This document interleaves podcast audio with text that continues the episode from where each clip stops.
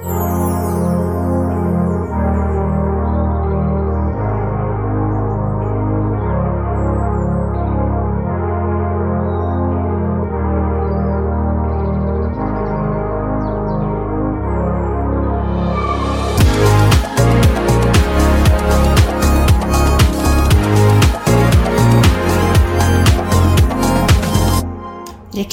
i samarbeid med BritBox.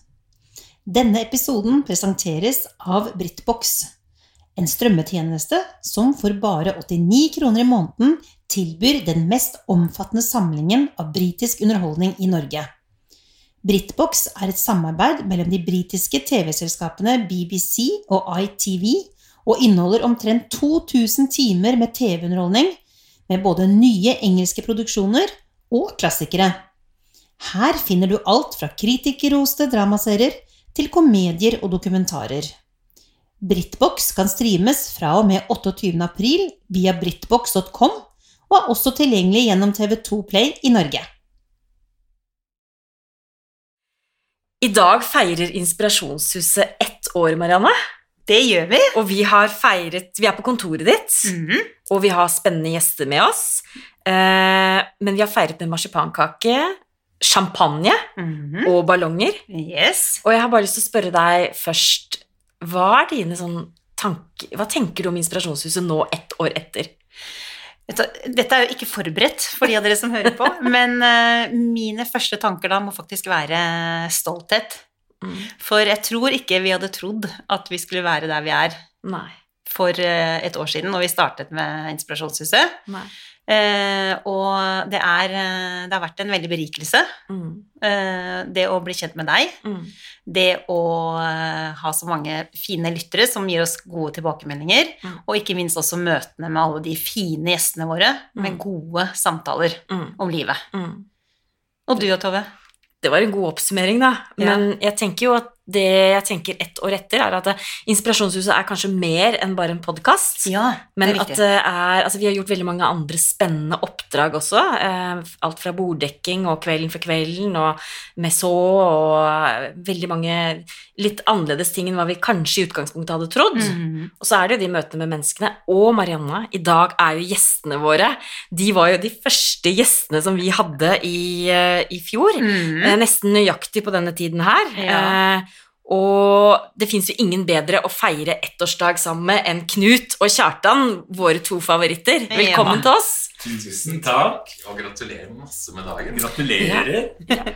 Og det var jo veldig hyggelig at dere overrasket oss med ballonger og marsipankake. Det setter, setter vi jo veldig pris på. Men dere er jo her fordi Altså, vi jeg vet ikke om dere trenger noen introduksjon, egentlig, for, men dere er jo da kjent som designere på Magnor, eh, og fra Sommerhytta, selvfølgelig, og med de koselige oppdateringene i sosiale medier om datteren deres, Olivia. mm. Som er faktisk et av mine høydepunkter eh, hver dag, når en av dere eh, pynter og grer og setter på spenner og fletter. Det syns jeg er så morsomt å følge med på. Ja. Det er vårt høydepunkt også. Ja. Livet er jo en fantastisk berikelse i livet. Og jeg gleder meg til å stå opp hver dag, og jeg våkner på natta, går inn og tar på henne og lukter på henne og ser på henne og gleder meg til å hente henne i barnehagen hvor hun bare strekker ut armene sine og bare roper 'pappa'. Så Det er som å ta en lykkepille hver gang jeg er sammen med henne. Så det er helt fantastisk. Og det at vi kan da dele det med andre, det er jo også fantastisk. Vi får så mange utrolig fine tilbakemeldinger. Så nei, det er stort, altså.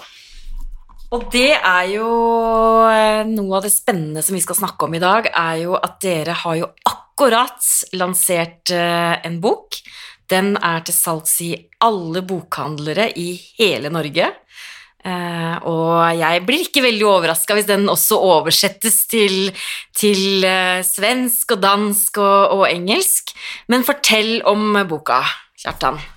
Boka heter To pappaer, og det er en bok om det å få barn når man er eh, likekjønna par, to pappaer, hvordan den prosessen vår var. eh, Hvordan vi, alle de valgene vi måtte ta når vi først hadde bestemt oss for å bli pappaer. eh, Om det å prøve å se om adopsjon var et valg, eller om ja, alle de tingene som vi, vi vurderte i starten, eh, og alle de alternativene, vi hadde, eh, og hvorfor vi endte på surrogati, og hvordan den prosessen med surrogati har vært. Eh, og så er det også noe som Det har vært en berg-og-dal-bane med både kritiske faser og, som Knut sier nå, de toppene som vi er så glad for, da. Så det er en ganske sånn nær, ekte, ekte bok om livet, egentlig. Eh, og om å tørre å ta valg i livet eh, for seg sjøl, og stå for det. Så jeg tror den passer for egentlig alle å lese. Eh, Knut deler jo også en veldig sterk historie fra hans barndom, som ikke jeg visste om, eh, som har påvirka oss i ettertid, egentlig. Vil du si noe om det, Knut? Nå ble jeg nesten rørt. For det er en historie som vi ikke har delt uh, før. Um, som jeg har tenkt at den må jeg dele, for det er så viktig del av meg, da, og hvordan jeg er. Og det er jo at jeg mista søster, søsteren min. Og man trodde jo ikke at det hadde påvirka meg sånn i voksen alder, for dette var jo når jeg var liten. Hun var tolv år, og jeg var seks år.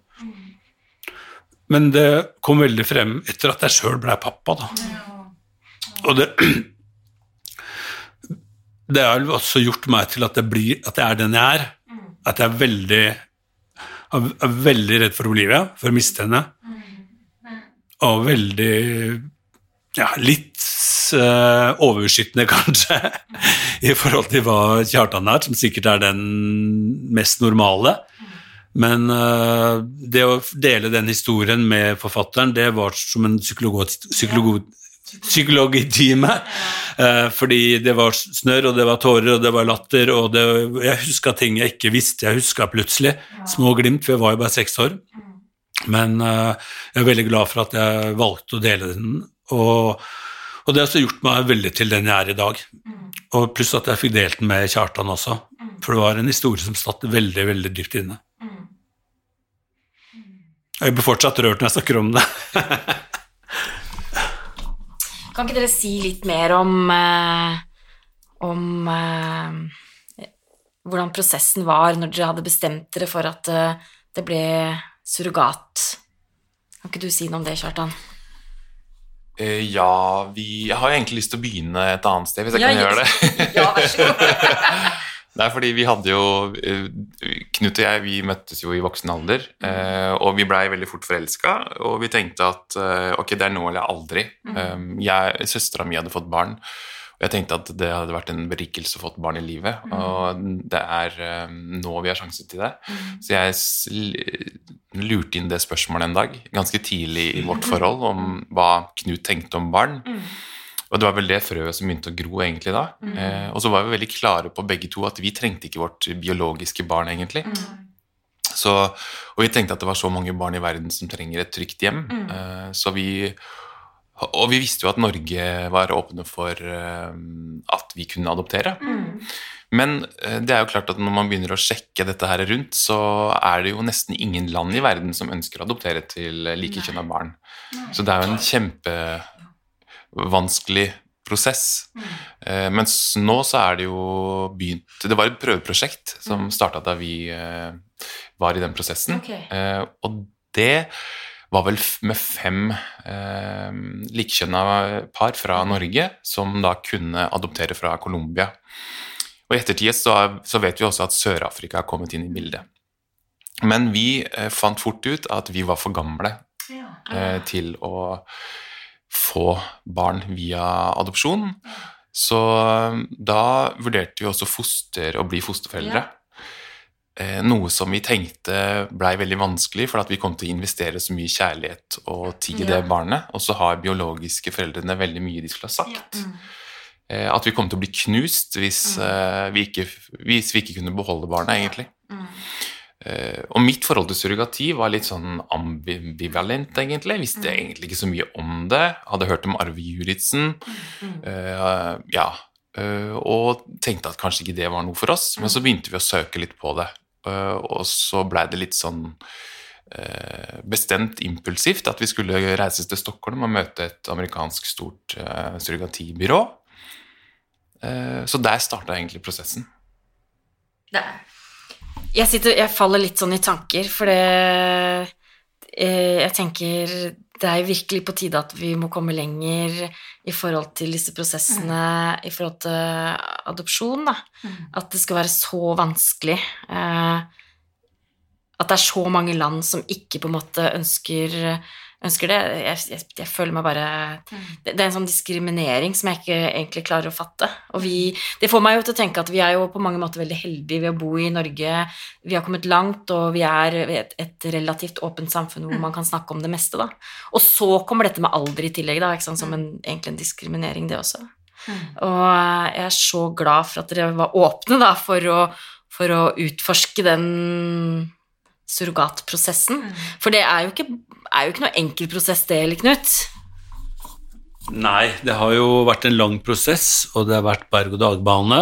Og jeg som er optimist, så, så for meg at dette skulle ta maks et år. Tre måneder med kontraktskriving og ni måneder gravid. Men sånn viste det seg da ikke å bli. Kjartan hadde rett der. Det tok mange år, det tok tre og et halvt år før Oliva ble født. Og hadde jeg visst det på forhånd, så jo, jeg hadde nok allikevel starta prosessen, men da hadde jeg vært litt mer forberedt på at det tok lang tid. Og vi, vi fikk jo først én surrogat, som vi hadde et år, og hun, hun ble ikke gravid, så det var veldig mange oppturer og nedturer. Um, Så fikk vi da vår andre surrogat, uh, Megan, hvor det også var litt oppturer og nedturer før det endelig gikk bra. For det er jo naturen som må gå sin gang her også. Det er på en måte et egg som må feste seg i en livmor, og det er ikke noe man kan gjøre for at det skal uh, gå bra. Så, men da hun endelig ble gravid, og vi fikk beskjed lille julaften 2018, så sto jubelen i taket. Og da hadde man glemt alle oppturer og nedturer og skuffelser og alt. Da var det bare å glede seg. Da hadde vi liksom på en måte fått dato for fødsel, vi hadde fått alt. Da var det bare å følge magen og se at den vokste. Uke for uke, for vi hadde jo ukentlig kontakt med Megan på Skype, selv om vi nesten daglig hadde kontakt på WhatsApp og sendte bilder og meldinger. Og... Så det har vært fantastisk, altså. Det som er viktig å si eh, også i forhold til boka, er at Megan har sitt eget kapittel. Ja. Og det er jo i vår bok, så, men vi har jo vært veldig sånn på at vi ikke skulle blande oss inn i det kapitlet hennes. Sånn at hun har fortalt sin historie sånn som hun, eh, hun opplevde den. Og det leste jo ikke vi før langt ute i prosessen. Det er ikke lenge siden vi leste hennes kapittel. Så det var jo Og da ble det litt sånn at vi måtte Vi, vi har jo kontakt med henne hver, nesten hver dag. Nest, I hvert fall annenhver dag. Men, øh, og det er jo ting der som hun kommer fram med som vi ikke visste fra før, og ting som da vi følte at vi trengte å diskutere litt. Eh, hvordan eh, vi hadde vært i den prosessen, og hvor eh, Vi var litt usikre rett og slett på om vi hadde vært eh, gode nok på å ta eh, vare på henne da, i den fødselsprosessen som blei veldig kritisk. Hvorfor var det så viktig å skrive denne boka? Det er vel flere grunner til at vi valgte å skrive boka. Det ene er at uh, de fleste, som oss, hadde hørt om surrogati, men vi visste helt, ikke helt hva det innebar. Og ofte de historiene man får via media, de er ofte alle de negative historiene, hvor det ikke går så bra med surrogati, eller det, er menneskehandel, eller det er kvinner som blir brukt i utlandet. Og det er ofte de historiene som blir presentert i media. Så vi ønsket å fortelle om en av mange andre selvfølgelig historier hvor alt bare var helt topp, og alt fungerte som det skulle. Og det var ikke snakk om noe bruk av noen kvinner eller noe som helst. Dette er noe som Megan selv ønsket, har ønsket hele livet. Det å kunne hjelpe noen med den største gaven man kan gi til andre. med andre. Så vi håper da at det kan på en måte åpne øynene og informere. For jo, hvis ikke du er informert om ting, så blir du ofte skeptisk til ting. Men som sagt, det er ikke bare en bok om surrogati. Det er også en bok om det å være to pappaer, eller generelt bare det å være foreldre. Og om det om hvordan Kjartan og jeg er forskjellige som pappaer også, som foreldre. Som man er pappa og pappa, eller mor og far, eller mamma og mamma. om de valgene vi har tatt, om hvordan barndommen har påvirka våre valg i voksen alder. Da. Så det er en bok som eh, egentlig passer til alle. Både mamma, mamma, mamma, pappa, eller pappa, pappa, eller bare én mamma eller én pappa. Og ikke minst bestemødre og bestefedre. Da vi først starta å diskutere boka, vi to, så var vi veldig klare på at vi ville ikke ha noen sånn solskinnshistoriebok, selv om vi, vi er nok Det er nok det som folk forbinder med oss, at vi er, vi er veldig lykkelige og har et barn sammen. Men vi var klare på at vi hadde lyst til å også diskutere de vanskelige sakene som er med surrogati. Da. Eh, de mytene som finnes. Er, kan dere designe deres eget barn? Eh, er det menneskehandel? Er det, er det en rett, menneskerett å få et barn? Eh, ja, alle de tingene som, eh, som folk er skeptiske til. Da. Så vi har prøvd å, så godt vi har kunnet, å besvare de spørsmålene, i hvert fall drøfta dem. Da. Eh, Så det er, et, ja, det er en del av boka, det også. Og det får meg jo til å tenke og spørre dere om er det mange som er skeptiske til det at dere har fått barn? Hvordan er Altså, jeg må bare spørre. Det, Det er vel eh, Det er jo en altså, stor del av befolkningen. Altså, vi er jo veldig mangfoldige, mm. og det er jo noen som eh, absolutt ikke tenker at det skal være mulig. Mm. Og vi får jo meldinger på det på Facebook og Instagram, eh, men veldig lite, egentlig. Mm. Så det har jo vært mye mindre Hva skal vi si eh, Ja, hets eller, eller s- satt spørsmålstegn ved det. Og vi ser jo også at uh, i undersøkelser som har, blitt gjort blant nordmenn, så er jo det et klart flertall for at surrogati kan bli lovlig i Norge. Det er bare ikke den, den politiske delen av Norge jeg har ikke fulgt med der, egentlig. Så Men vi må jo bare si at eh, i det store og det hele så har vi fått kjempemange fine tilbakemeldinger.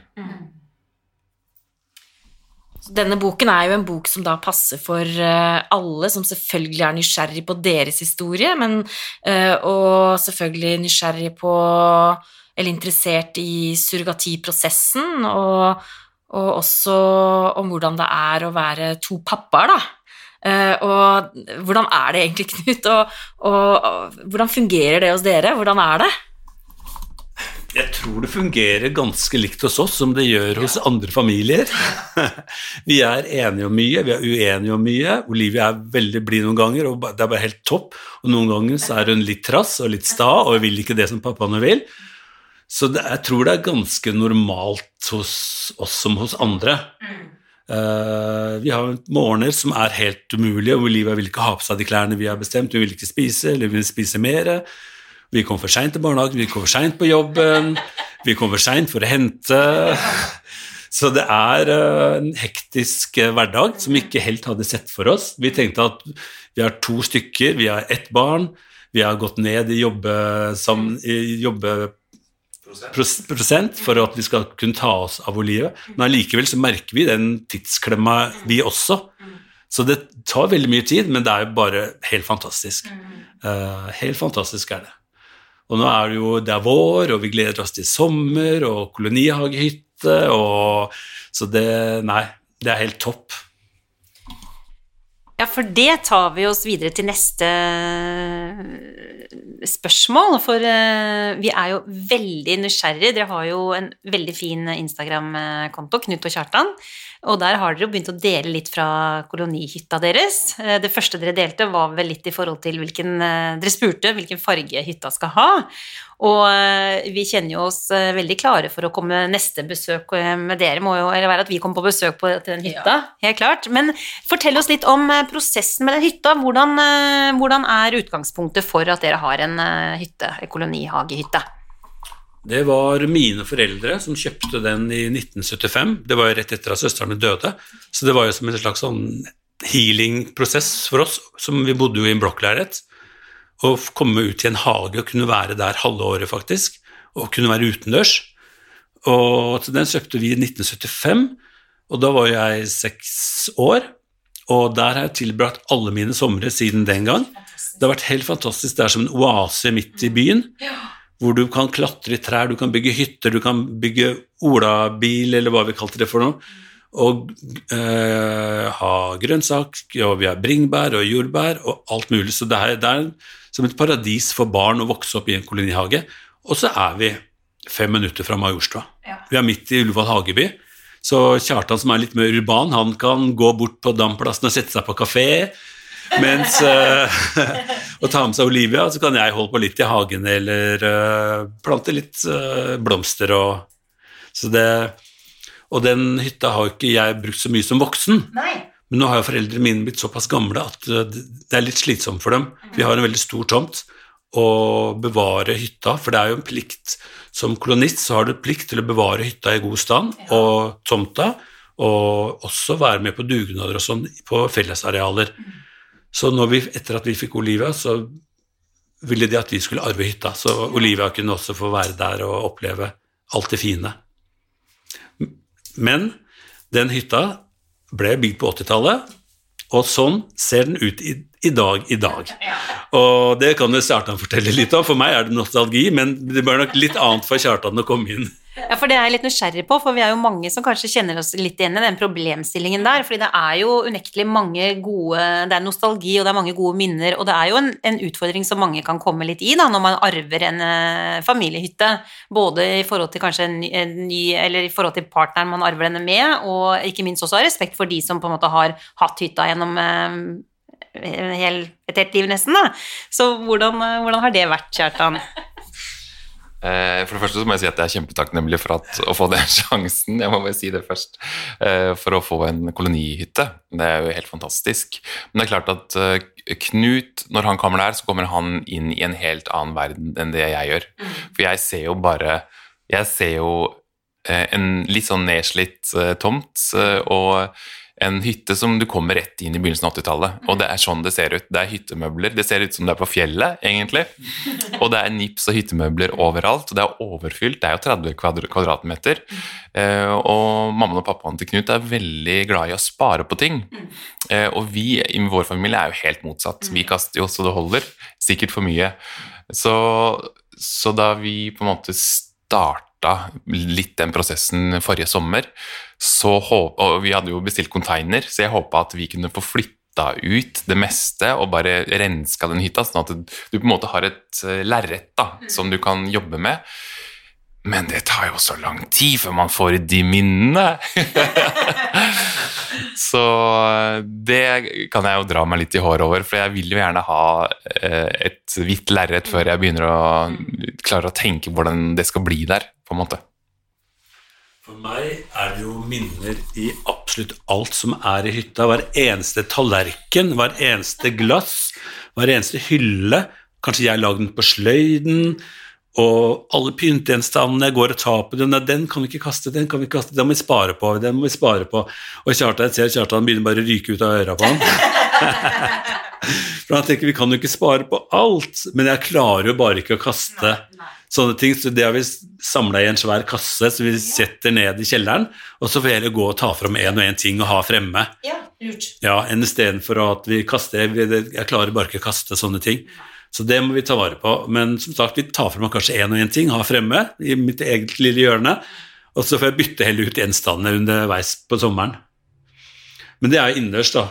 Det er jo utendørs også. Ja som vi også skal gjøre alt, faktisk. Vi må bygge plattinger og lage stier og plante nye trær og busker, grønnsakshage, poteteng. Og ikke minst så har vi jeg tror, Norges flotteste pionhekk. Så nå, rett, nå, er det rett før at den blomstrer. Mm. Så vi bare elsker den hekken, og den har stått der siden jeg var seks år gammel. Så det er, en, jeg tror Norges fineste pionhekk. Så det gleder vi oss til. Men det er mye som skal gjøres det høres jo unektelig ut som dette her er litt sånn eh, som for mange andre, da. Det er litt sånn prøvelse Man er så heldig å få en så flott gave, mens man skal forvalte riktig, og det er jo en utfordring, eh, akkurat det der. Men eh, kjenner vi dere rett, så vet vi at det blir en veldig god løsning på det. Og jeg syns jo det var kjempegodt tips det du, dere hadde der, da, i forhold til å samle ting i en eske og, og heller ta det fram litt sånn ettersom man, Ettersom det passer inn, på en måte. Mm. Veldig lurt. Og nå nærmer vi oss jo eh, ferie, sommer og sommerferie, og da er vi, Marianne, veldig nysgjerrig på hva Knut og Kjartan skal i sommer. Jeg håper vi kan få noen gode eh, reisetips. Ferien vår, den eh, blir enten-eller, har vi funnet ut. Enten så blir det nye vinduer på hagekolonien, eller så blir det eh, Sunwing Alcudia. Nei, den blir ikke så veldig spennende, det blir ikke så veldig gode, god reisetips, kanskje. Men eh, jeg tror det blir litt sånn prioritering på hvor langt vi skal komme med kolonihagehytta, og eller eh, hvor mye vi skal bruke på ferie. Så det blir en prioritering der. Og for alle som er i Oslo, så er alle kolonihagene i Oslo, det er ni kolonihager i Oslo, alle de er å betrakte som offentlige parker. Så alle er velkommen inn til å gå turer inn i kolonihagene og hilse på. Så hvis du har, skal ta en Oslo-ferie, eller du er i Oslo i løpet av ferien, ta deg en tur til en av de ni kolonihagene.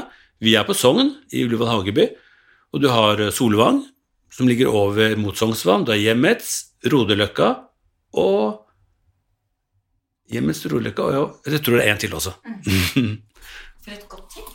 Et utrolig godt mm. tips for alle som eh, Spennende. kommer på besøk til Oslo, eller vi som også er i Oslo, Marianne. Ja, Da vet jeg i hvert fall hvem vi skal besøke i, i sommer. for den peonhekken, den, ja, eh, den har jeg lyst til å se. Da gjenstår det egentlig bare for oss å eh, minne om at eh, boken til Knut og Kjartan er å finne i alle bokhandlere. Mm. Og eh, etter hva jeg har hørt nå, og som jeg kjenner Knut og Kjartan, så må jeg si jeg er veldig spent og gleder meg til å lese den. Og skal gå rett ned på bokhandelen og kjøpe den. Mm, helt klart. Tusen, tusen takk for eh, nok et veldig koselig besøk. Nå syns jeg vi skal feire vår ettårsdag. Vi har litt kake her, og vi har ballonger, og det er sommer og sol, og kan det bli bedre? Nei. Nei.